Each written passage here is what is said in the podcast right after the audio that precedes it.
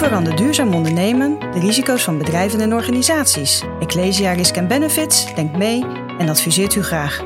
Want wij voelen ons verantwoordelijk voor de wereld van morgen. Ecclesia Risk Benefits, samen, bewust en gerust vooruit.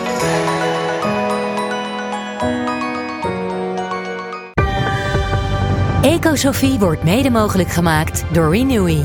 Renewy. Minder nieuw, meer renew. Want afval bestaat niet.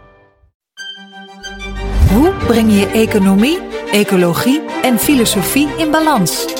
Daarover gaat Ecosofie, de podcast waarin Marnix Kluiters in gesprek gaat met experts over het verduurzamen van de samenleving. De verkiezingen staan weer op het programma. Ja. Het is toch vaak een uh, tijd waar uh, de actualiteit de boventoon voert. Maar waar stem je nou eigenlijk op? Wat is uh, de ideologie achter een politieke partij? En vandaag ga ik daarover in gesprek met Nico Kofferman. Uh, de voorzitter van het wetenschappelijk bureau van de Partij voor de Dieren. En uh, dat is inmiddels uh, de nummer 7 in deze lijst met politieke stromingen. Nico, hartelijk welkom.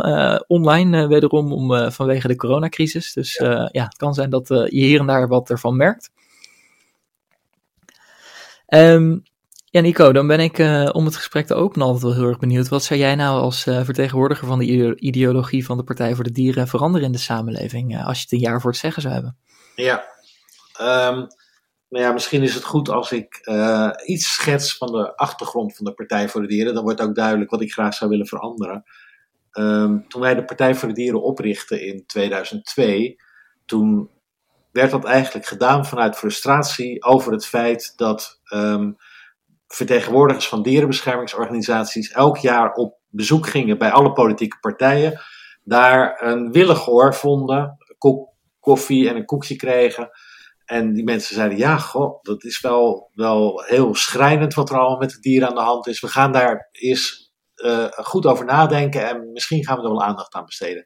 Alleen van dat laatste kwam het nooit. En dat had te maken met het feit dat uh, mensen dingen zoveel belangrijker gevonden worden dan de problemen van dieren. Dus de gedachte bij de Partij voor de Dieren was toen die opgericht werd. We gaan van binnenuit proberen meer aandacht voor de rechten van het dier te krijgen.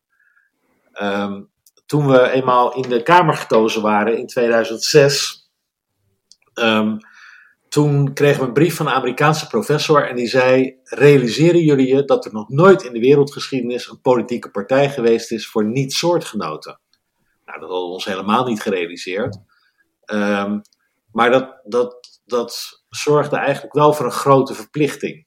En dat betekende ook dat we erover na moesten denken uh, hoe onze ideologie nou helemaal uh, vormgegeven was. Anders dan dat we op wilden komen voor dieren. En we realiseerden ons toen dat uh, mensen maar een heel klein deel van het leven op aarde representeren, 0,01 procent. En dat die mensen uh, uh, het leven van de andere 99,99% van het leven op aarde eigenlijk onmogelijk maken. Uh, dus wij hebben gezegd, op het moment dat je als politieke beweging niet uitgaat van de korte termijn belangen van de mens, maar probeert al het leven op aarde in harmonie te brengen met elkaar en elkaars belangen te respecteren, dan is dat niet alleen in het belang van de dieren, maar ook in het belang van de mensen. Dus wat ik heel graag zou willen veranderen, is dat we stoppen met het uitbuiten van dieren, natuur en milieu. Dat we oog krijgen voor de verandering van het klimaat. En niet alleen uh, om dieren en natuur tegemoet te komen, maar ook in ons eigen belang. Want wij maken, wij maken uh, het leven op deze planeet onmogelijk. En we, ja, we zagen eigenlijk aan de tak waarop we zitten. Dus mensen zijn zeer gebaat bij um, het, het niet langer uh, navelstaren, niet langer aandacht geven aan hun eigen korte termijn belangen primair.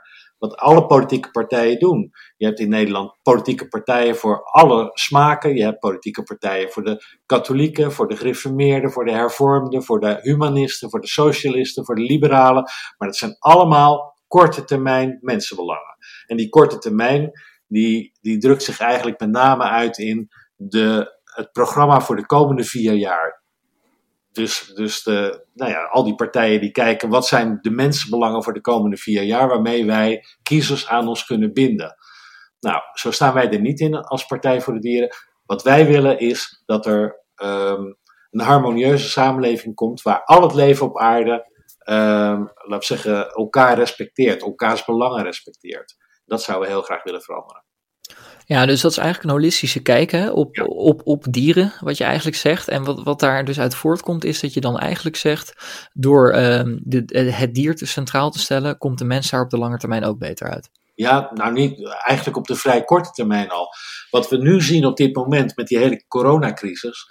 Uh, er, zijn, er zijn heel veel discussies over de coronacrisis. Of je mondkapjes moet dragen, of er een avondklok komt. Uh, of de scholen open of dicht moeten. Maar dat is allemaal symptoombestrijding. Maar wat we ons moeten realiseren is dat um, ehm, 75% van alle infectieziekten op dit moment, ook deze coronacrisis, uh, uh, voortkomt uit een zoonose. Een ziekte die overspringt van dier naar mens. En dat wij mensen dat veroorzaken. De manier waarop wij mensen dieren exploiteren, met dieren omgaan, het, het leefgebied van dieren minimaliseren. Uh, uh, echt uitwonen letterlijk, zorgt ervoor dat wij te maken krijgen met de ene na de andere pandemie. Want deze pandemie is nog relatief mild vergeleken bij wat je mag verwachten als vogelgriep van mens tot mens besmettelijk wordt. Of um, wat we gezien hebben bij Q-koorts. Q-koorts heeft in Nederland 100 doden gemaakt, meer dan, dan enige terroristische aanslag ooit gemaakt heeft. Um, en en de, de, ja, laten we zeggen, er zijn heel veel dierziektes die direct aan ons mensen raken. De MRSA, de, de multiresistente uh, bacterie, komt ook uit de veehouderij. Als je in het ziekenhuis opgenomen wordt, wordt er aan je gevraagd: bent u recent op een veehouderij geweest? Want dan moeten we u op een aparte afdeling opnemen. Ja, dat geeft dus wel aan dat de manier waarop wij mensen met dieren omgaan totaal uit de hand gelopen is. Ja, en dat en, zorgt ervoor dat wij ons eigen leven niet zeker zijn. Ja, precies. Want die centrale gedachtegang is eigenlijk, denk ik, idealistisch. Hè? Van de manier hoe wij met dieren omgaan, dat kan niet. Ja. Uh, en een mooie bijkomstigheid is dan dus eigenlijk dat wij daar als mensen ook nog eens veel beter uitkomen vanuit jullie visie. Ja, nou, het is, het is niet zozeer een bijkomstigheid, maar um, de logische consequentie. Uh, dat als je, uh, laten we zeggen, al het leven op aarde ziet als de passagiers van één en hetzelfde ruimteschip ja, dan zou je binnen de grenzen van die aarde moeten opereren. Het is, het is ondenkbaar dat wij uh, in het Westen uh, consumeren alsof we 3,5 aardbol tot onze beschikking hebben, terwijl we weten dat die er niet is. En dat er dus andere bewoners van deze planeet, mensen en dieren en natuur en milieu, uh, tekort gaan komen aan onze leefstijl als wij consumeren alsof er 3,5 aardbol beschikbaar is, terwijl we weten dat er maar eentje is, dan weten we ook dat er andere uh, uh, bewoners van deze aarde ernstig aan tekort komen. Nu al. Ja. En um, daar zet jij je al heel lang voor in, want jij noemde net al even dat uh, de Partij voor de Dieren in 2006 in de Kamer kwam, als ik het jaartal nu goed zeg. Um, jij stond volgens mij ook aan de wieg van de partij en jij bent ook nog betrokken, niet alleen als voorzitter, maar ook in de Eerste Kamer. Ja. Um, zou je eens kunnen vertellen, want ja, daarnaast begreep ik ook dat jij uh, samen met Jaap Korteweg de welbekende vegetarische slager hebt opgelegd, uh, opgericht ja.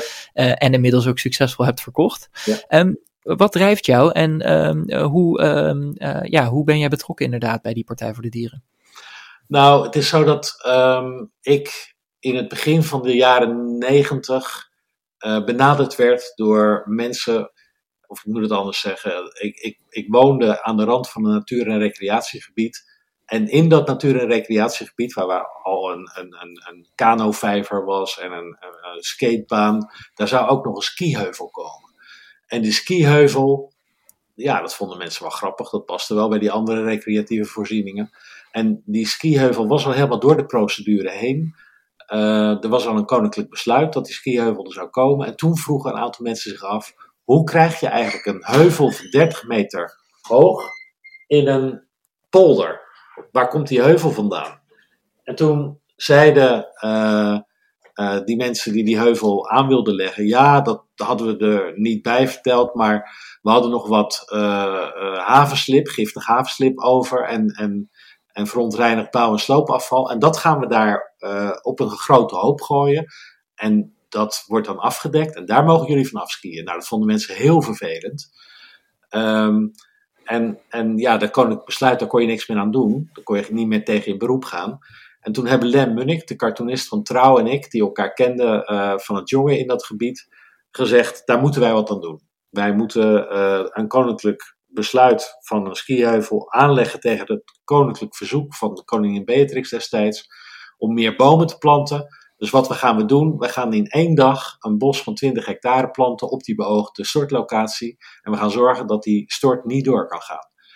En um, nou, ik, ik kan wel zulke dingen bedenken en Len ook, maar we zijn niet uh, uh, heel erg bedreven in het uitvoeren daarvan. En toen bleek dat er een groep mensen was die heel actief aan de slag ging om die bomen in de voorverkoop te doen via bloemmisten, via cafés. Um, en die mensen, uh, die hadden in drie weken tijd hadden ze 20.000 bomen verkocht. En ik kwam erachter, ik wist niet van tevoren wie die mensen waren, maar dat bleken mensen van de SP te zijn.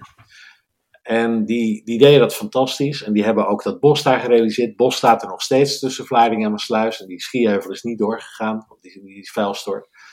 Um, maar die SP'ers die zeiden toen tegen mij: Jij zit in de reclame. Um, zouden we jou eens uh, uh, uh, kunnen raadplegen over onze verkiezingscampagnes? Want wij proberen al twintig jaar in de Tweede Kamer te komen. En dat lukt ons al twintig jaar niet. Wel op lokaal niveau, maar niet in de provincie, niet in uh, de Tweede Kamer. En nou ja, toen heb ik eens met ze gekeken naar hun boodschappen. Toen bleek dat zij uh, ja, een soort utopia voorspiegelden aan mensen. Maar dat, ja, dat utopia uh, niet waargemaakt kon worden, omdat mensen calculeren en denken: ja, je hebt nul zetels in de Kamer. En tegen, in die tijd had de Partij van de Arbeid er nog 40 of 50 of zo. Uh, dus mensen dachten, ja, de opbrengstwaarde van als de Partij van de Arbeid zegt, we gaan je huur een beetje omlaag brengen en je loon een beetje omhoog, is de opbrengstwaarde daarvan groter dan, dan dat de SP uh, uh, mijn huur meer wil verlagen en mijn loon meer wil verhogen, maar met, met nul zetels vermenigvuldigd moet worden. Dus ik heb de SP geholpen aan de campagne, de tomaat en de stem tegen campagne. En toen haalden ze twee zetels. En die twee zetels, die, uh, nou, daar waren ze heel blij mee als we dat maar vast kunnen houden. En toen heb ik tegen ze gezegd van joh, als je nou een revolutionaire beweging bent, dan zou je toch minstens uit moeten gaan van verdubbeling bij elke verkiezingen. Uh, dus zij zijn, uh, nou dat konden ze eerst moeilijk geloven, maar toen toch voluit daarvoor gegaan. En toen zijn ze van 2 naar 5, naar 9, naar 15, naar 25 zetels gegaan. Uh, dat was niet alleen aan mij te danken, echt niet, maar vooral aan hun activiteit. Maar het was wel een vruchtbare combinatie. En in die tijd kwamen er ook mensen van dierenbeschermingsorganisaties naar me toe. En die zeiden: Ja, Nico, jij, jij loopt nou met die SP-campagne uh, een beetje mee in dat politieke Den Haag. Wat zou je ons kunnen adviseren om, uh, om meer aandacht te krijgen voor dieren? En ze wisten dat ik uh, actief was in heel veel dierenbeschermingsorganisaties, dat ik geboren vegetariër was. Dus zij zeiden, als jij nou eens met ons mee wil denken daarover. En toen heb ik tegen ze gezegd, richt gewoon een partij voor de dieren op. Een partij die de dieren centraal stelt. En dat hebben zij gedaan. Uh, dat heeft overigens van 1992 tot 2002 uh, uh, ja, in de wacht gelegen. op, op verjaardagen werd er wel eens over gepraat, maar dat, dat kwam maar niet echt van de grond. Maar in 2002 zeiden Lieke Keller en Marianne Thieme, we gaan het doen. Zei, wat gaan jullie doen? Nou, die partij oprichten. Dus nou ja, toen hebben ze in de, uh, 2003 met de verkiezingen meegedaan. En um, bijna een zetel gehaald, zonder budget, zonder campagne. Um, en toen in 2006 is het inderdaad gelukt om, om uh, met twee zetels in de Kamer te komen. Um, en ja, dat was dus eigenlijk een soort logisch uh, voortvloeisel uit het feit dat laten we zeggen, de manier waarop ik samen met de SP gewerkt heb aan campagnes. Uh, ja, dat die, dat die ook voor die Partij voor de Dieren toegepast kon worden. En toen uh, ze eenmaal in de Kamer zaten, zeiden ze tegen mij: Ja, nou verwachten we eigenlijk ook dat je met ons mee gaat doen en dat jij ons vertegenwoordiger in de Eerste Kamer gaat worden. Dus dan willen we wel dat je kapt met uh, advies geven aan de SP. Dus zo is het eigenlijk gekomen. Ja, en uh, dat doe je nu dus ook. En je bent daarnaast dus ook voorzitter van uh, het wetenschappelijk bureau. En hoe geven jullie invulling aan uh, als, als wetenschappelijk bureau? Want dat is toch op accenten ook wel weer heel verschillend bij de verschillende ja, partijen. Wij, wij pakken dat heel anders aan dan de meeste andere wetenschappelijke bureaus. En dat heeft te maken met het feit dat als je als wetenschappelijk bureau van een politieke partij onderzoek initieert, ja, dan, dan is dat een beetje wij van WC Eend. Dus als de, het wetenschappelijk bureau van de Partij voor de Dieren een onderzoek doet en zegt de varkens in de, in de bio-industrie hebben het niet fijn, dan zeggen mensen wie heeft het onderzoek gedaan? Ja, het wetenschappelijk bureau van de Partij voor de Dieren. Nou, daar kijken mensen niet, niet echt van op dan wat de conclusies zijn.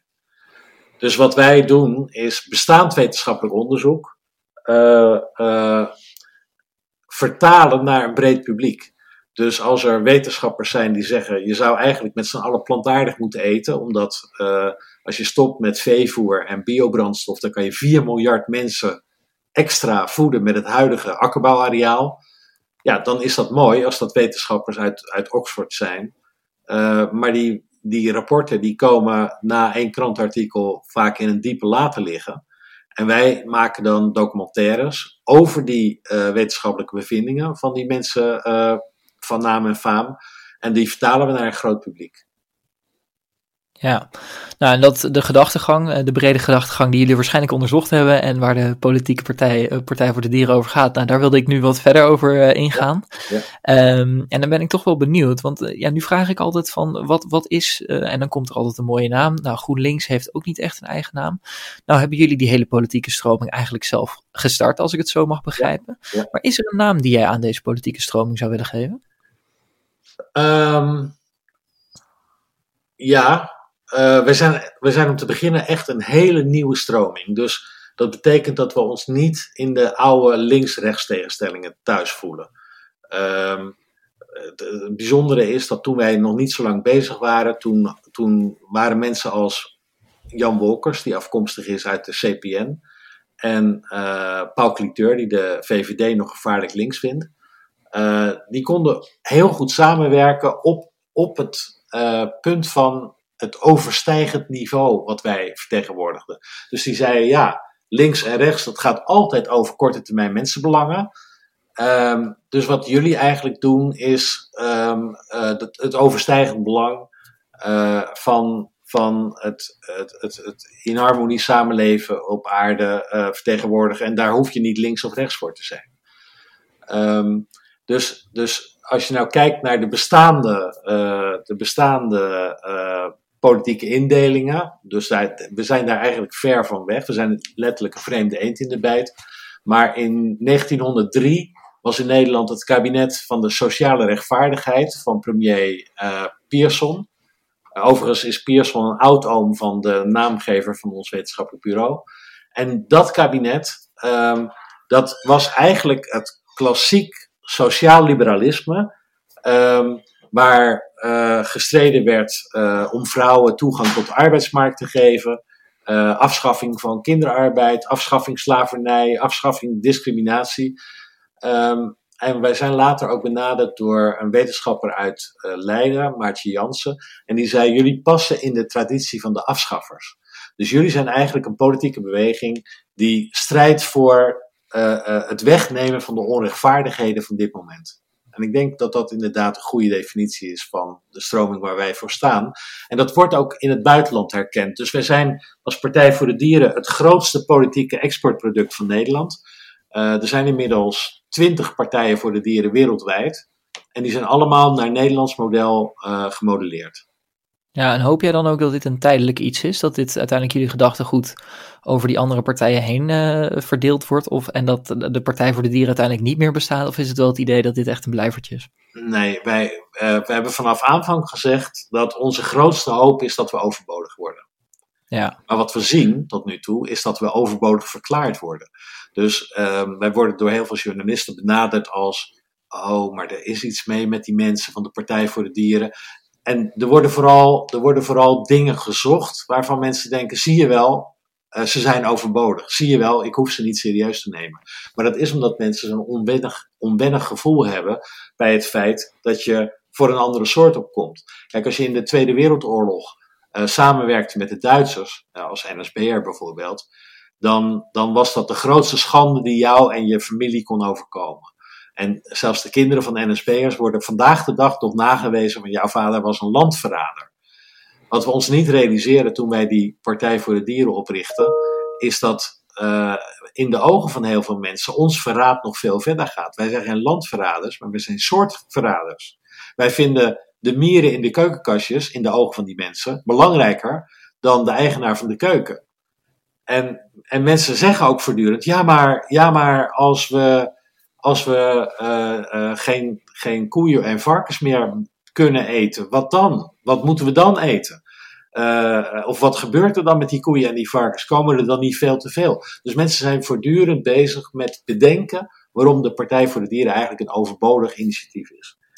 En um, ja, dat, dat, dat is een klein beetje uh, uh, merkwaardige combinatie met het feit dat onze ambitie is vanaf aanvang dat we overbodig zouden willen worden. Dus wij hopen dat er zo goed voor dieren, natuur en milieu gezorgd gaat worden door de andere partijen, dat wij niet meer nodig zijn. Maar de eerlijkheid gebiedt te zeggen dat, um, dat we bang zijn dat het nog wel even gaat duren. Ja, en ik geloof dat D66 ook ooit met die, uh, die, dat idee gestart is en die zijn er ook nog steeds. Dus ja, um, ja goed, dat is een uh, discussie voor um, over tientallen jaren misschien. Ja. Um, uh, voor nu ben ik wel even benieuwd. er zijn meestal toch ook in politieke partijen of stromingen een aantal uh, grondprincipes of pijlers ja. waar ze aan vasthouden om ook op terug te kunnen vallen. Ja. zou je daar eens wat meer over kunnen vertellen of jullie die ook hebben en wat die zijn? Ja, zeker. Kijk, toen wij in de Kamer kwamen, toen, toen was ons ideaal, we willen opkomen voor dieren, natuur en milieu. Dat was eigenlijk het grote ding. Maar wat we ons van tevoren niet heel erg gerealiseerd hadden, was dat we elke week over wel 75 onderwerpen moesten stemmen. Van moties die ingediend waren door andere partijen. Uh, en dat ging van uh, militaire missies tot uh, de prijs van de treinkaartjes, tot um, de, de, het studiefinancieringsstelsel, wel of geen avondklok. Dus wij moesten een, een, um, een aantal toetsstenen ontwikkelen. Uh, uh, hoe wij die andere moties gingen beoordelen. Welke moties, als het gaat om een militaire missie in, in, in zouden we moeten steunen en welke niet. En dat werd meteen duidelijk, want uh, de dag nadat we in de Kamer gekozen waren, kwam er al de eerste stemming en die ging over het kinderpardon.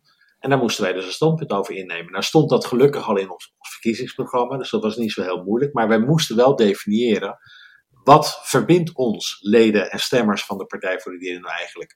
En toen hebben we vier toetsstenen uh, geformuleerd: mededogen, duurzaamheid, persoonlijke vrijheid en persoonlijke verantwoordelijkheid. En ik realiseer me heel goed dat als diezelfde vier toetsstenen binnen het VVD toegepast worden, dat dat tot andere uitkomsten zou leiden. Maar bij ons was al heel snel duidelijk tot welke uitkomsten dat leidt voor mensen die opkomen voor de zwakste, die het belang van de zwakste willen beschermen tegen het recht van de sterkste. En nou ja, dat, dat werkte formidabel, dat, dat, dat is geweldig geïnternaliseerd. En Maurice de Hond heeft een tijdje een schaduwkamer gehad. En in die schaduwkamer werd gekeken niet wat de leden van een partij vonden, maar de kiezers. Dus daar werden alle moties elke week voorgelegd aan een panel van kiezers van alle politieke partijen. En toen bleek dat de Partij voor de Dieren 92% overeenkomst had met wat hun kiezers wilden. De hoogste score van alle politieke partijen. Dat is natuurlijk bijzonder, omdat heel veel mensen denken dat de Partij voor de Dieren een single-issue beweging is. Dat het alleen maar over dieren gaat. Maar het gekke is dat dat bij andere partijen niet gedacht wordt. Dus er is niemand die zegt Partij van de Arbeid. Gaat dat alleen over arbeid? D66? Gaat dat alleen over het jaar 66? Uh, ja, dat, dat, die vraag wordt daar niet gesteld. Maar op het moment dat je als vreemde eend in de bijt binnenkomt, dan denken mensen: ja, jullie, jullie uh, komen op niet voor de mensen, maar, maar voor een andere soort. Je, je bent al niet serieus te nemen. Uh, uh, wat, wat, wat moet ik daar nou van denken? dat is single issue. En wij hebben altijd gezegd: als wij al een single issue partij zouden zijn, dan is dat issue vrij groot. Dat is namelijk de hele planeet en al zijn bewoners. Ja, dat is een interessante gedachtegang, hè? want uh, waar heel veel mensen inderdaad denken, uh, en ja, misschien dat ik dat zelf ook wel, of ja, dat weet ik wel zeker dat ik dat vroeger heb gehad, uh, voordat ik me verdiepte in waar jullie voor stonden, is inderdaad dat het eigenlijk een soort dierenbeschermingsclub is. Ja. Ehm, terwijl jullie eigenlijk zelf erin zitten, en dat heb jij in het begin van dit gesprek ook al heel duidelijk verteld, dat het juist in tegenstelling tot dat one issue, ja, misschien het one, one issue dat je net alles kan zien, maar dat jullie ja. het in die zin heel holistisch proberen te bekijken juist. Ja, dat klopt. En dus ook het langetermijnbelang centraal proberen te stellen. Ja, het, is, het is echt. Ik, realiseerde me toen bij de voorlaatste verkiezingen in de Eerste Kamer kwam er een professor bij uh, D66 naar me toe. Die zegt: Oh, en van welke partij bent u? Uh, ik zeg: Ik ben van de Partij voor de Dieren. En toen zei hij: Oh, maar ik heb helemaal niks met dieren. En toen vroeg ik hem: Maar heeft u dan wel iets met het getal 66? Nou, daar moest hij dan toch wel even over nadenken. En ja, toen werd hij door zijn partijgenoten weggeleid van: joh, die discussie met hun, dat komt nog wel een keer. Maar ja, het is, het is raar dat bij geen enkele partij mensen zeggen: Oh, ik zie hier een woord in uw naam. En dan denk ik dat ik alles van, van u weet. En dat het bij de Partij voor de Dieren wel zo is. Dus het geeft, het geeft frictie, het geeft vrevel. Mensen denken: Ja, uh, kom op, uh, het gaat toch over mensen. Ja, af en toe kan je ook wel eens wat voor de dieren doen. Maar mensen zijn het belangrijkste. Maar goed, het is gek dat de mensen maar zo'n kleine fractie zijn, een splinterpartij eigenlijk, van alle bewoners op aarde. En dat die andere bewoners op aarde gewoon uh, er niet toe doen of alleen maar uh, geëxploiteerd worden door de mens. Ja, en toch, toch veroorzaak je dat natuurlijk ook zelf door zo'n eerste partij te zijn. En zeg je ook dat je natuurlijk het grootste politieke exportproduct bent. Dus misschien dat je daar ook wel gewoon trots op mag zijn dat die frictie er is. Ja. Um, waar ik ook wel benieuwd naar ben, en ik denk dat je deze vraag wel al een heel aantal keer beantwoord hebt, maar ik zou hem toch nog wel eens even willen stellen. Um, is, um, ja, je kunt natuurlijk stemmen op wat je uitkomt. Hè? Uh, stem je links omdat je niet zoveel geld hebt, of stem je rechts omdat je heel veel geld hebt en dat je het niet wil verdelen. Um, jullie, of jij zegt al dat jij, jullie daar eigenlijk doorheen proberen te kijken, maar waarom is uh, de stroming van de Partij voor de Dieren het beste voor uh, de samenleving als geheel of voor een ieder? Nou ja, omdat, omdat we ehm, een gezamenlijk belang hebben. Alle bewoners van de planeet hebben een gezamenlijk belang. En je ziet dat in de natuur heel mooi, dat in de natuur allerlei productieprocessen en kringloopprocessen plaatsvinden zonder dat er afval is, zonder dat er disharmonie is, uh, zonder dat er diersoorten spontaan uitsterven. Uh, en je ziet dat alles wat wij ondernemen als mensen, dat dat eigenlijk het omgekeerde is. Dus onze economische groei holt de planeet letterlijk uit. Um, onze economische groei zorgt ervoor dat er een enorme uh, onbalans is in de verdeling van welvaart op de aarde. En in de verdeling van zelfs uh, meest elementaire zaken zoals voedsel en, en, en, en, en laten we zeggen, leefruimte. Um, en ja, dat betekent dus dat je als politieke beweging die niet alleen naar zichzelf kijkt of naar de eigen soort of naar de komende vier jaar, maar echt wil kijken naar langere termijn, zich daarmee niet in eerste instantie populair maakt. Uh, het is al, al vrij oud gegeven dat de boodschapper van slecht nieuws, dat die eigenlijk per definitie onthoofd wordt. Dus uh, ja, wij worden ook niet met gejuich ontvangen als we slecht nieuws hebben. Uh, het gejuich is op dit moment voor een partij als de VVD die zegt: jongens, het is nu even afzien met het corona. Maar daarna kan je weer gewoon twee auto's voor de deur hebben, drie keer op vakantie gaan, krijg je allemaal duizend euro erbij. Het zijn allemaal materiële beloftes. En wij proberen bloot te leggen dat die materiële beloftes eigenlijk gewoon um, een schuld opbouwen naar komende generaties toe is. En naar uh, mensen die in arme landen wonen. Ja, en als we dit even doorpakken en wat concreter ook uh, gaan. Um, ja, uiteindelijk in de politiek uh, beheer je natuurlijk ook uh, het belastingssysteem. Ja. Um, en dan kun je natuurlijk belasting ja, zeggen, we hebben een bepaalde publieke zaak te financieren. Hè, de wegen en ja. wat dan ook moet gefinancierd worden. Daarvoor kunnen we geld ophalen bij de burger en het bedrijfsleven en waar dan ook. Of uh, we kunnen dat, uh, als we dat nou eenmaal gelijk aan doen zijn, kunnen we daar ook bepaalde gedragseffecten mee uh, ja. veroorzaken. En dan wordt het eigenlijk een veel instrumentelere functie. Ja. Um, hoe kijken jullie naar dat soort zaken? Nou ja, wij, wij vinden het merkwaardig dat, um, dat dingen die um, buitengewoon nuttig en schaars zijn, zoals, of sorry, nuttig en overvloedig aanwezig zijn, zoals arbeid, dat die hoog belast worden. En dat dingen die uh, schaars zijn, zoals grondstoffen, dat die niet belast worden of nauwelijks belast worden. Dat uh, uh, de kerosine op Schiphol niet belast wordt. dat de, de energie voor grote bedrijven die daar niet, niet zuinig mee omgaan, dat die niet belast wordt. maar dat arbeid wel hoog belast wordt. Dus wij willen eigenlijk het belastingssysteem omkeren. Een beetje een analogie wat Eckhart Winsen, die ik ook goed gekend heb, voorstelde destijds met zijn ex-tax. En hij zegt, op het moment dat je de arbeid goedkoop maakt, door, door daar geen belasting meer op te heffen, dan stimuleer je dus de maakindustrie. Dan hoef je niet je kleren in, in verre orde te laten maken door kinderen, maar dan kan je het gewoon zelf doen. En dan kunnen mensen daar ook nog een fatsoenlijk loon voor krijgen. En als je dan zorgt dat, um, laten we zeggen, de, de, de zaken die grote negatieve externe maatschappelijke effecten hebben, dat die wel belast worden, dan laat je de vervuiler betalen. en je beloont mensen die goed gedrag aan de dag leggen. Dus waar wij heel erg voor zijn, is uh, gezonde dingen, zoals groente en fruit, om die niet meer um, van BTW te voorzien, niet langer te belasten, maar uh, autogebruik heel zwaar te belasten, zodat mensen zich bewust worden van het feit dat je niet zonder gevolg de aarde kan vervuilen of, of de schaarse grondstoffen op kunt maken. Um, dus wij denken inderdaad dat belasting uh, daar een heel belangrijk instrument in zou kunnen zijn. En belasting in Nederland is verworden tot een, tot een uh, instrumentarium wat eigenlijk helemaal de verkeerde kant uitwerkt. Want we hebben gezien dat uh, in Nederland de rijke mensen alleen maar rijker worden en de arme mensen, hoe hard ze ook werken, er niks bij krijgen. Ja, daar wilde ik zo nog even vragen over stellen. Wat je net hebt verteld, hè, dan, dan zeg je toch eigenlijk ook wel heel sterk dat er een sturende werking vanuit belasting moet gaan. Zeker. En je noemt ook Eckhart Winsen. Ik heb Femke Groothuis in, ik meen aflevering 13 van deze podcastserie geïnterviewd. Ja. Die nu met dat X-Tax ook aan de, de slag is en daar een denktank over heeft en uh, precies ja. daarnaar kijkt. Hè, van uh, laten we het repareren van een tv goedkoper ma uh, maken, terwijl uh, het, het, kopen van een nieuwe tv veel duurder wordt. Ja, dus dat dat soort systematiek vanzelf interessanter wordt.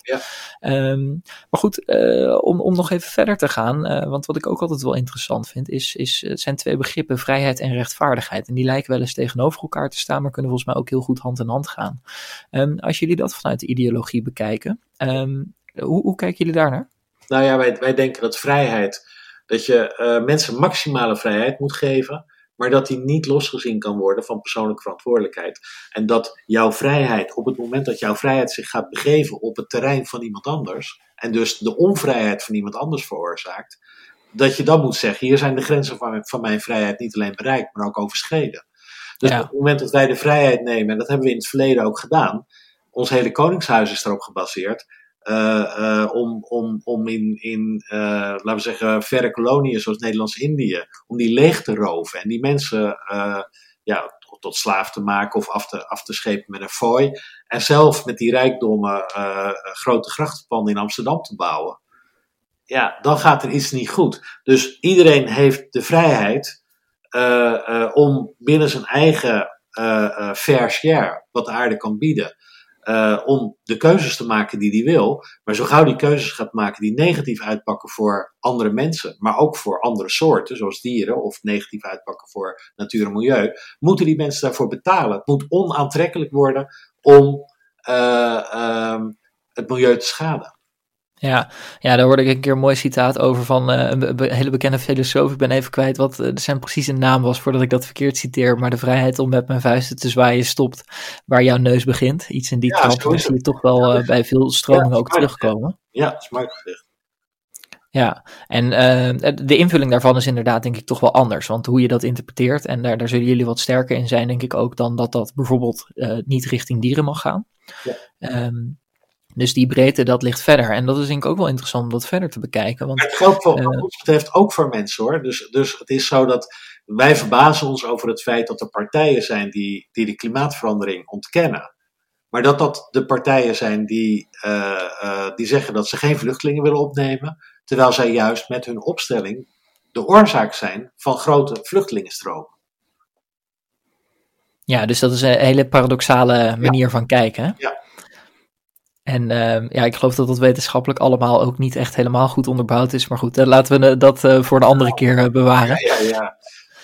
Ehm, waar ik dan wel benieuwd naar ben, is ook uh, het stukje gelijkheid en gelijkwaardigheid. Hè? Want uh, uh, we hebben natuurlijk, jij noemde toen straks al, de rijken worden rijker, maar dan kun je nadenken over een stukje gelijkwaardigheid. Jullie hebben die vier principes waar persoonlijke vrijheid ook belangrijk in is.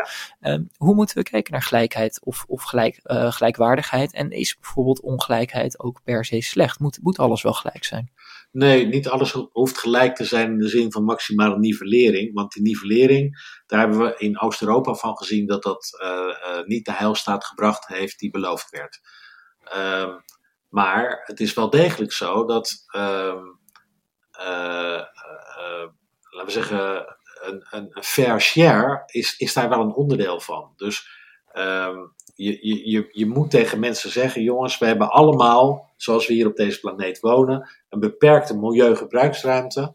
En die mogen we benutten. En op het moment dat iemand over de schreef gaat, moeten we dat gaan ontmoedigen.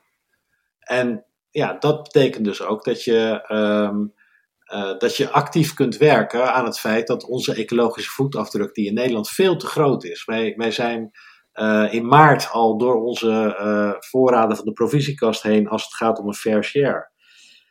Terwijl andere mensen helemaal niet aan bod komen. Uh, ja, daar, daar moeten we met z'n allen uh, iets aan gaan herverdelen. En als we dat niet doen, dan betekent het dat we allerlei onheil over ons afroepen.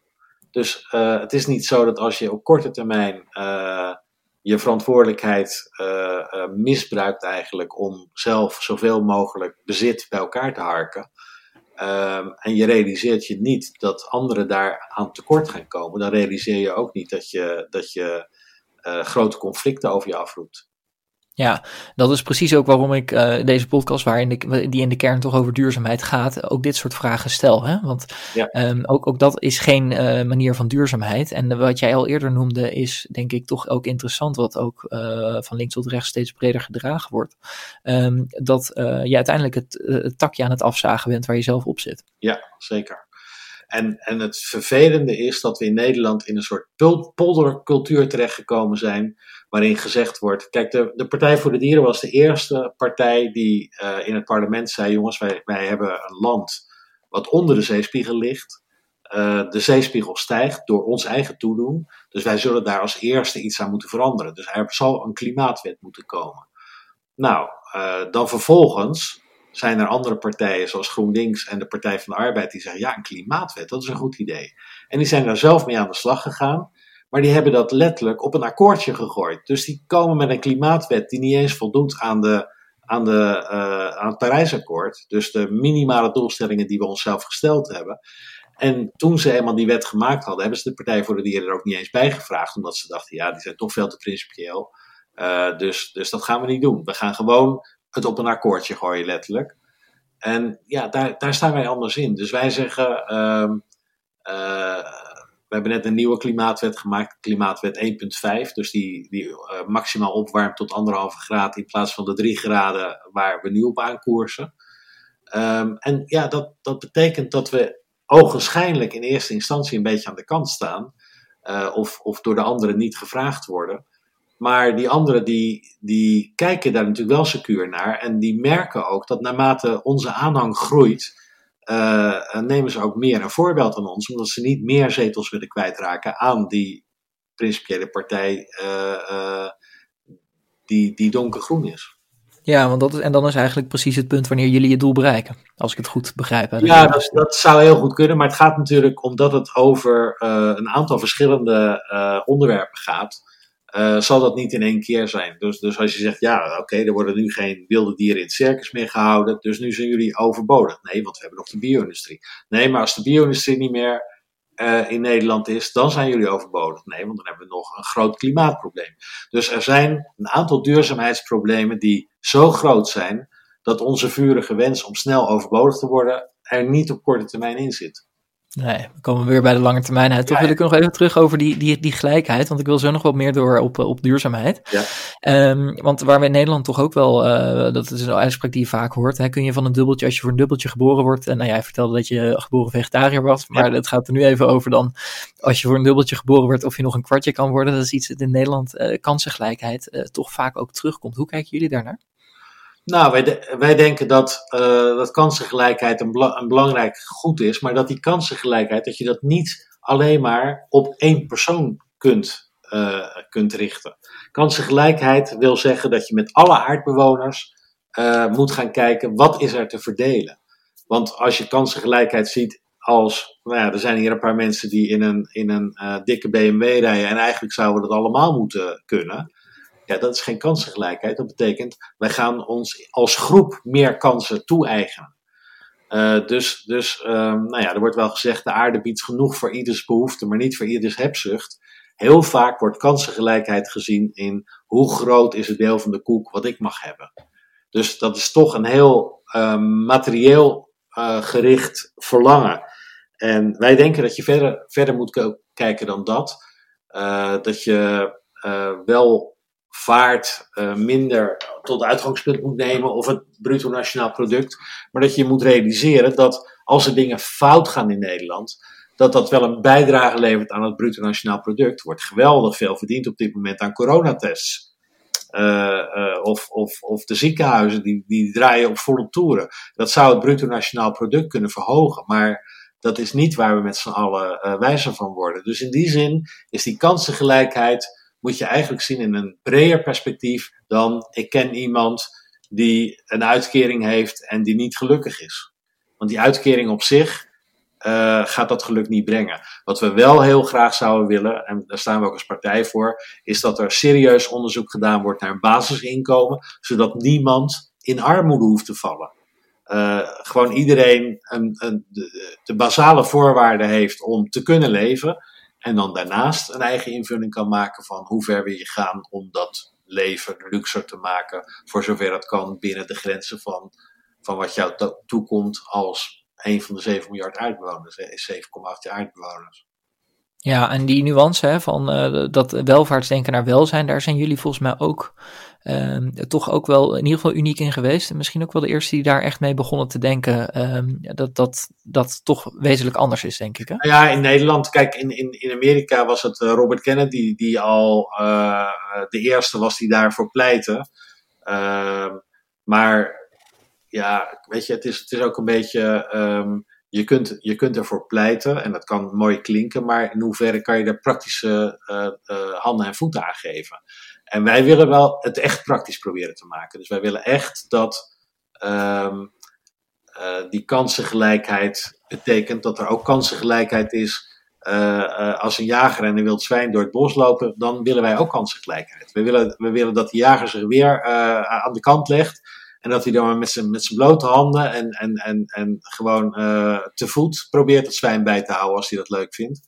Maar, maar niet dat je kansenongelijkheid gaat maken door met een, met een jachtgeweer uh, en met een aantal drijvers uh, dat zwijn naar het leven te staan. Dus kansengelijkheid moet je eigenlijk in brede zin zien. Wat zijn, wat zijn de kansen van de, de grote roofvissen in de oceaan als wij ze met, met enorme sleepnetten uit de zee trekken. Dus, dus kansengelijkheid is niet alleen een kwestie van mensen die uh, het heel goed hebben en mensen die het iets minder hebben. Dat is, dat is een te enge visie. En dat zie je ook misgaan bij het socialisme en bij de sociaaldemocratie. daar wordt wel gesproken over biefstuk socialisme. Dus daar wordt gezegd, ja, de arbeider, wij hebben ervoor geknokt om de arbeider een biefstuk en een auto te geven. Dat gaan we niet meer afpakken. Dat, maar dat is geen kansengelijkheid. Kansengelijkheid wil zeggen, jongens, we zitten hier met z'n allen op een beperkte oppervlak en met beperkte mogelijkheden. Laten we die mogelijkheden zo goed mogelijk verdelen. Dat is kansengelijkheid. Maar dat moet je breder zien dan alleen in ons eigen land. Ja, dan wilde ik toch nog even iets uh, doorgaan over belasting en dan daarna door op het uh, echt wat meer uh, de duurzaamheid. Ja. Um, want jij noemde net al even de rijke rijker. Ja. de, de, toch kunnen we ook, uh, zien we nu ook wel een kanteling ontstaan volgens mij. Um, maar een van die dingen die interessant is, is dat er een bepaald inkomen is, uh, verdiend inkomen of onverdiend inkomen. Nou in ieder geval inkomen waar je iets voor gedaan hebt en inkomen wat eigenlijk rendement uit vermogen is of uit een erfenis ja. bijvoorbeeld. Nou, we zien daarin dat uh, de belasting op inkomen uit arbeid dus vrij hoog ligt, wat je eerder ook al aankaart in een ander voorbeeld. Ja. Um, en die belastingen op rendementen uit passief inkomen, dat die, of uit passief inkomen, dat die wat lager zijn. Hoe kijken jullie daarnaar? Ja, um, kijk, wij denken, wij denken dat je uh, bij een belastinghervorming moet beginnen bij het actieve inkomen. Kijk, je, je zou kunnen zeggen, ja, maar als je ouders heel rijk zijn en uh, daar heb je als kind verder geen recht op, want je moet gewoon weer op nul beginnen. Dus je ouders moeten gewoon, als ze doodgaan, moeten ze hun inkomen of hun bezit moeten ze inleveren. En jij moet het maar zelf verdienen. Dat is een, een, een heel uh, ver doorgeschoten gelijkheidsbeginsel, wat misschien best reëel en, redelijk is.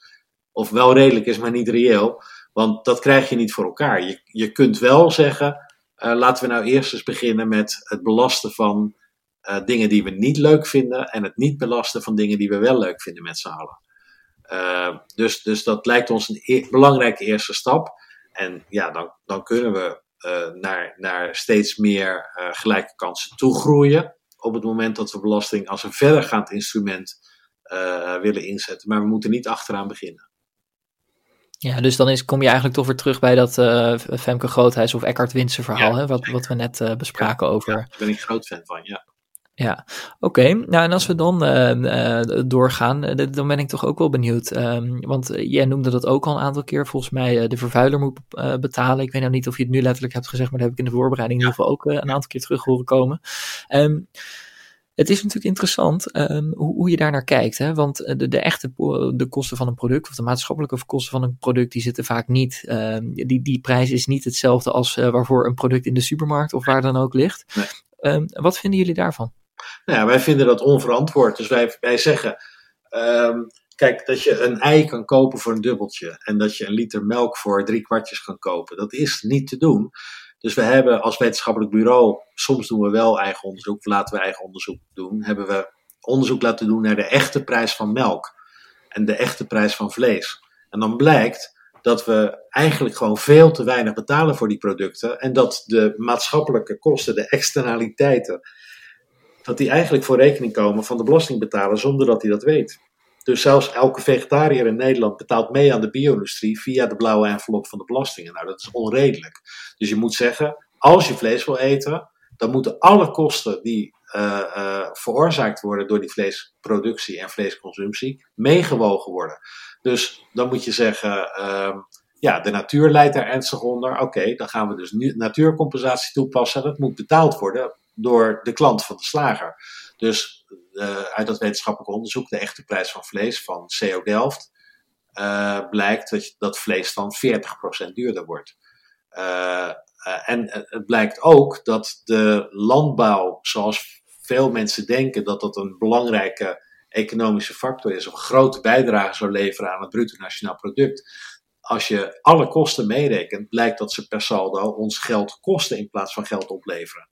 Dus er zit een fundamentele ongelijkheid in die we zullen moeten uh, uh, corrigeren.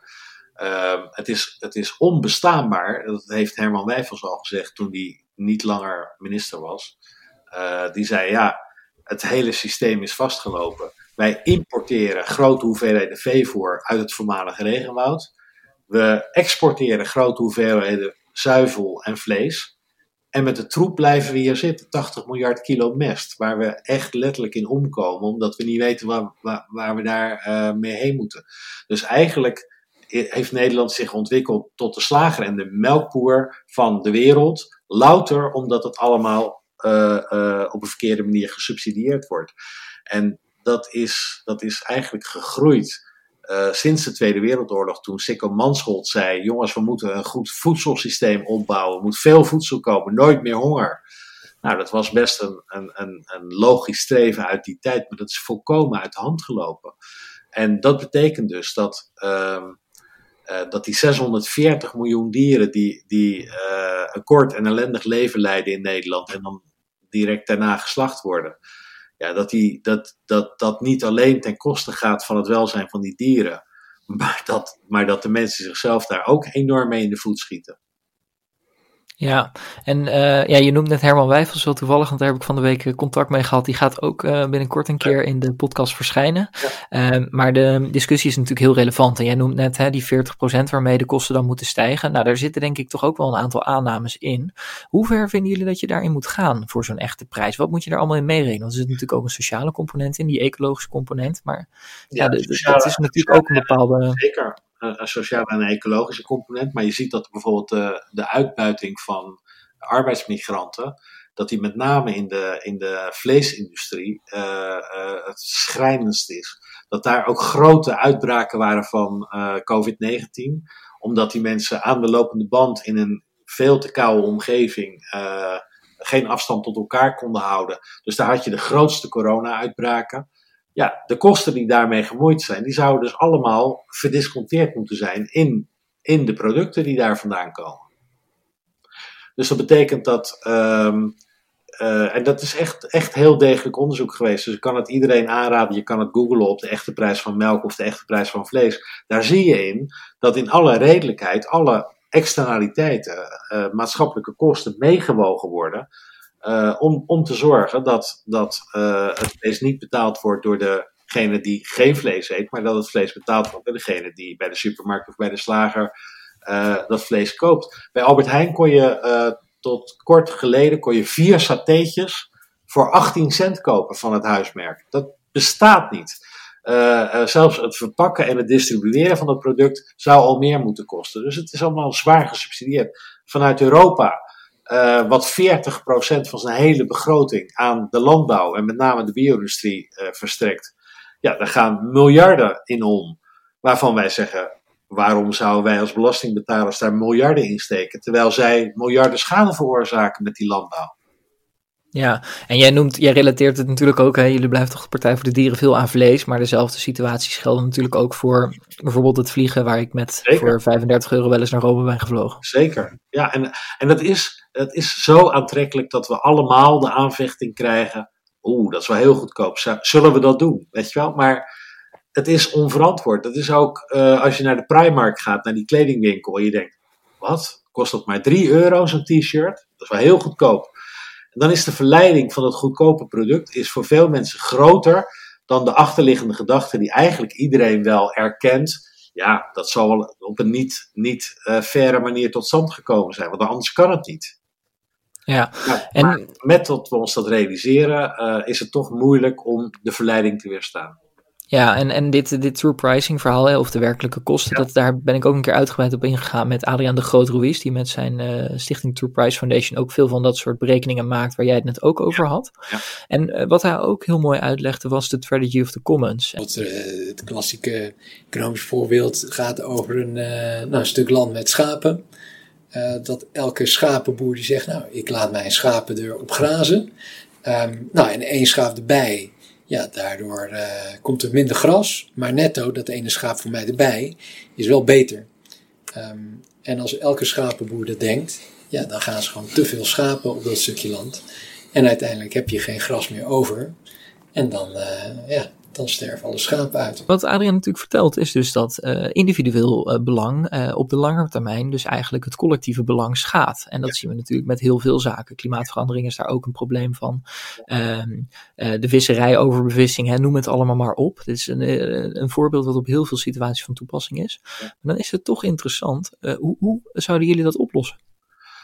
Nou ja, kijk, om te beginnen is het zo dat um, de, gedelege, de gedelegeerde verantwoordelijkheid waar we mee te maken hebben gekregen, zorgt ervoor dat heel veel uh, narigheid die bij de productie uh, komt kijken, zich buiten ons gezichtsveld afspeelt.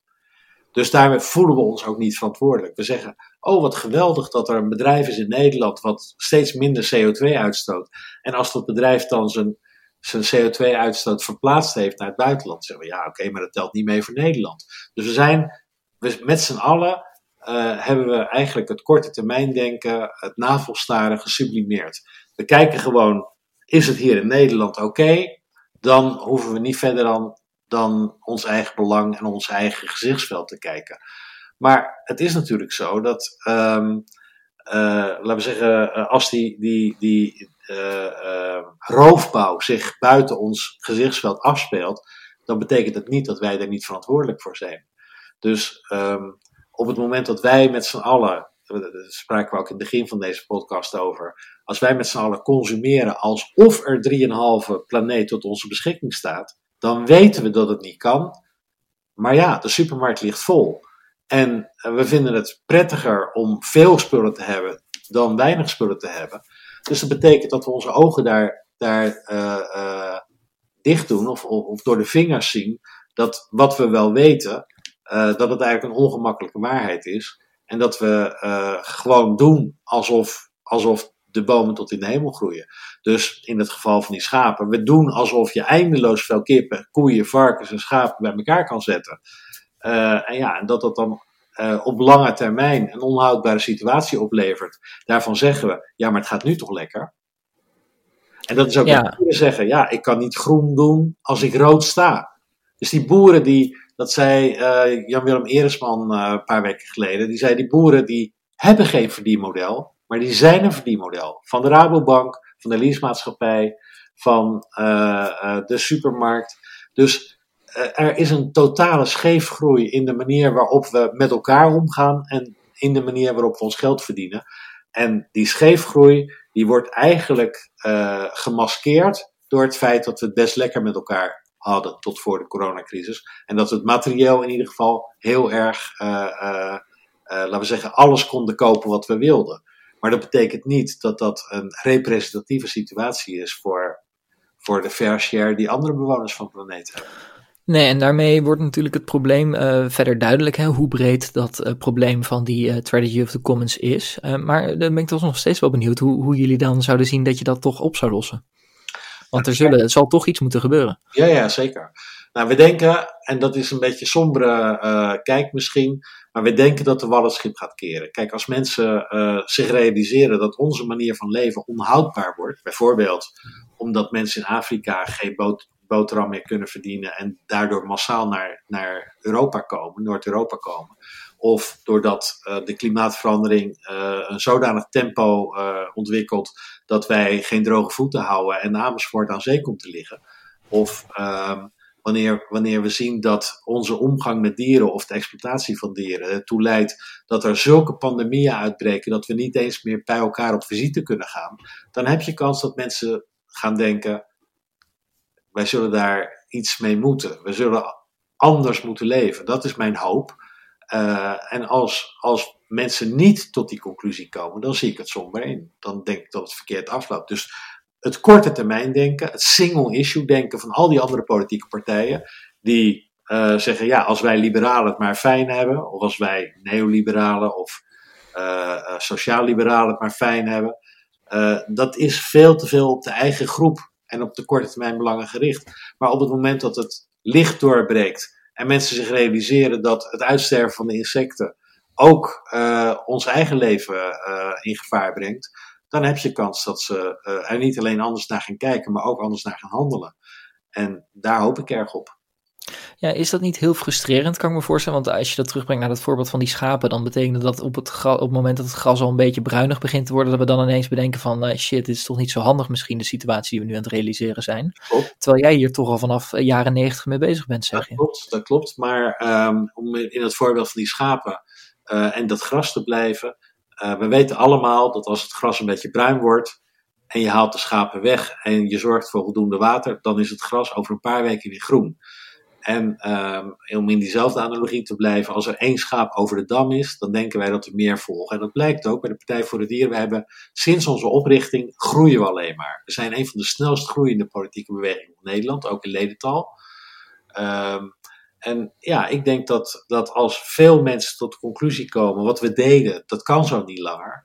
Uh, de manier waarop we met dieren omgaan, die zorgt voor pandemieën die, uh, die elke uh, voorstelling tarten. En we moeten wel iets, iets doen als we ons oude leven weer een beetje op willen pakken, zonder dat we daar business as usual van maken.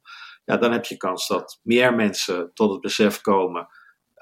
we, we moeten donkergroen stemmen. We moeten ons aansluiten bij het groeiend verzet bij de Partij voor de Dieren. En anders, ja. als we dat niet doen, ja, dan, dan dan blijven de problemen die we over onszelf hebben afgeroepen alleen maar groter worden. Ja, toch zal er uiteindelijk ook wel iets aan maatregelen gedaan moeten worden. Hè? En dat kun je misschien ook wel een beetje uitkristalliseren op drie niveaus. Hè? Dan heb je het niveau van de overheid slash politiek, waar jullie dan zelf natuurlijk actief zijn. Je kunt ook een bepaalde verantwoordelijkheid bij het bedrijfsleven leggen, of misschien zelfs wel bij de individu uh, of consument. Je hebt, hebt, natuurlijk al verteld dat je geboren vegetariër bent. Daar gaat ook natuurlijk een bepaalde verantwoordelijkheid van uit. Ja. Maar laten we eens beginnen bij die overheid. Wat is de, de rol van de overheid uh, die, die toch genomen zou moeten worden als we nu met z'n allen ook wel een beetje aan het bedenken zijn wat, dat er dingen misgaan? Nou ja, wat we zien is dat de overheid uh, in het verleden veel meer een regulerende rol had. En dat op een gegeven moment uh, het neoliberale denken een einde heeft gemaakt aan die regulerende rol. Omdat we zeiden minder wetten, minder regels. Dus hoewel de criminaliteit toenam, moesten de gevangenissen dicht. Uh, hoewel de, het klimaat ernstig in gevaar kwam, moest er 130 gereden worden op de snelweg. Dus je zag dat er um, zogenaamde vrijheden beloofd werden aan mensen, terwijl dat eigenlijk tot onvrijheid leidde. Nou, dat begint mensen op te vallen nu. Ja, nog niet voldoende, want anders stond de VVD niet als grootste in de peilingen. Maar uh, er zijn wel steeds meer mensen die denken: ja, dit, dit kan zo niet langer. De overheid moet weer een regierol pakken. Dus dat is wat wij heel belangrijk vinden: dat de overheid echt paal en perk stelt aan wat je wel mag als vervuiler of als grootverdiener en wat je niet mag. Um, nou ja, bij de producent geldt dat uh, we af moeten van die gedelegeerde verantwoordelijkheid. Dus wij willen heel graag dat die producent uh, verantwoording aflegt uh, in het land waar die actief is. En ook belasting betaalt in het land waar die actief is. En voor de consument geldt dat, die, um, dat het via die overheidsregulering makkelijker gemaakt moet worden voor die consument om het goede te kiezen. Dus als groente en fruit goedkoper worden en vlees wordt duurder, dan wordt het voor die consument ook uh, een stuk gemakkelijker en aantrekkelijker om te kiezen voor een verantwoord product. Maar wat we nu zien, is dat onze veehouderij in Nederland exporteert 70% van zijn productie. Dus wat een Nederlandse consument ook voor keuzes maakt, die 70%, daar heeft de Nederlandse consument geen enkel vat op. Nou, die uh, grootschaligheid, die vrijhandelsverdragen, daar zijn we ook fel tegen. Uh, daar moeten we vanaf en we moeten proberen de regionalisering van de productie gepaard te laten gaan met het nemen van de eigen verantwoordelijkheid van mensen die in die regio wonen waar die productie plaatsvindt. Ja, en, uh, want dat is toch een sterke rol voor de overheid, denk ik dan ook. Ja, zeker. Um, toch kun je ook je afvragen, en dat zien we natuurlijk in het bedrijfsleven ook, dat grote bedrijven ook soms steeds meer verantwoordelijkheid uh, nemen. Uh, andere bedrijven misschien weer helemaal niet en zeggen we moeten waarde creëren voor onze aandeelhouders. Ja. en daar doen we alles voor en we zien belastingheffing bijvoorbeeld ook als kostenpost. Ja. Um, hoe, hoe moet die verantwoordelijkheid van, bedrijfs, van het bedrijfsleven zelf zijn? Of van bedrijven? Nou ja, dat is, dat is um Kijk, er is veel te lang gedacht dat zelfregulering uh, het probleem wel op zou lossen. Uh, de onzichtbare hand van, van Adam Smith, die heeft geen oplossingen gebracht. Die heeft alleen maar gezorgd voor het uh, voor roofbouw en voor het uitwonen van de planeet. En dat zag hij zelf ook. Hij heeft gezegd dat als je de vrije markteconomie, als die tot volle bloei zou komen, dat dat tot geweldige welvaart zou leiden. Maar hij gaf er één waarschuwing bij. En dat was dat ergens aan het eind van de 20, van de 20ste eeuw uh, een groot probleem zou zijn, omdat de grondstoffen op zouden raken. Nou, dat heeft de Club van Rome ook gezegd. Die hadden uh, in gedachten dat het ergens rond 1970, 1980 zou zijn. Um, en daar moeten mensen hard om lachen, omdat ze zeggen: Nou, we zitten inmiddels in de 21ste eeuw en, en de supermarkten liggen nog steeds vol. Daarvan denken wij dat zowel Adam Smith als um, uh, de Club van Rome groot gelijk hadden, maar er hooguit een paar decennia naast zaten. Maar dat uh, het mooie leven voorbij is, in de zin van zoals we dat in het verleden beleefd hebben. Ehm, we hebben hier aardgas gehad als roesmiddel. alles kon betaald worden, onderwijs, de zorg kon allemaal gefinancierd worden vanuit die enorme aardgasbaten. En inmiddels weten we dat dat op is en, en dat we eh, naar andere economische modellen toe moeten. En dat betekent ook dat uh, de overheid daar het voortouw in moet nemen. Maar ja, dat kan alleen in een democratie, logischerwijs. Als burgers dat ook belangrijk vinden. En als burgers dat belangrijk vinden, zullen ze zelf ook daarnaar gaan handelen. Dus dat is waar wij, waar wij erg op hopen: dat er een betere overheid komt. En dat burgers zich meer uh, gaan realiseren dat zij een grote verantwoordelijkheid dragen. Niet alleen naar andere planeetbewoners, maar vooral ook naar komende generaties. Ja, en uh, daarin is die persoonlijke verantwoordelijkheid, wat dus ook een van die thema's was, uh, natuurlijk toch ook wel interessant. Uh, want hoe ver reikt die dan? nou, je hebt dus zelf inderdaad met je bijvoorbeeld het vegetariër zijn. Ehm, maar ik geloof dat als je misschien helemaal verantwoordelijkheid zou willen nemen, dat je misschien moet gaan leven op de manier dat je binnen één planeet zit. als ik dat zo goed zeg. Hè, want, eigenlijk, eigenlijk moet je proberen een leefstijl na te streven die ervoor zorgt dat de planeet niet minder geworden is nadat jij geleefd hebt. Ja, en is dat dan wel iets waarvan jij zegt, daar ligt ook gewoon individuele verantwoordelijkheid? Ja. Ja, dat, ja. dat is een individuele verantwoordelijkheid. Maar als meer individuen die verantwoordelijkheid nemen, dan krijg je ook een beweging van mensen die zeggen, we gaan het anders aanpakken. Ja, want dan uh, kun je inderdaad zeggen, dan wordt uh, treinen goedkoper ten opzichte van vliegen en uh, wordt vegetarisch vlees duur of goedkoper dan normaal vlees. En dan gaat, gaan die marktmechanismes ook voor Zeker. je werken. Zeker. Dus dan wordt die individuele verantwoordelijkheid ook makkelijker. Ja. Ja, en dat is natuurlijk wel ook de transitie die we aan het maken zijn. Hè? Van uh, ja, een niet duurzame samenleving naar toch wel een duurzame samenleving. En met die transitie moeten we natuurlijk ook kijken hoe we daar onder andere draagvlak voor creëren, maar ook hoe we hem maken. En uh, hoe zitten jullie daarin? Moeten we dan uh, juist de experts aan tafel hebben zitten of eh, het volk aan tafel? Ja, dat is, dat is erg moeilijk, want op dit moment uh, is het volk een beetje in de war. Althans, er worden, worden veel mensen, de populisten, verleid tot, tot standpunten waarvan je denkt: hoe, hoe, hoe kan je dat geloven? Hoe kan je erachteraan?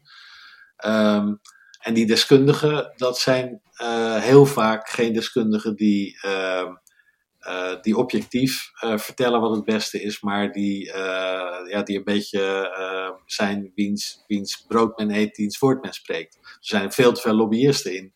In Brussel bijvoorbeeld. Ja, daar zijn wij die, die, die kleine 600 uh, uh, Europarlementariërs. Daaromheen zitten 20.000 lobbyisten die elke dag komen vragen: heb je al gegeten? Kan ik je iets aanbieden?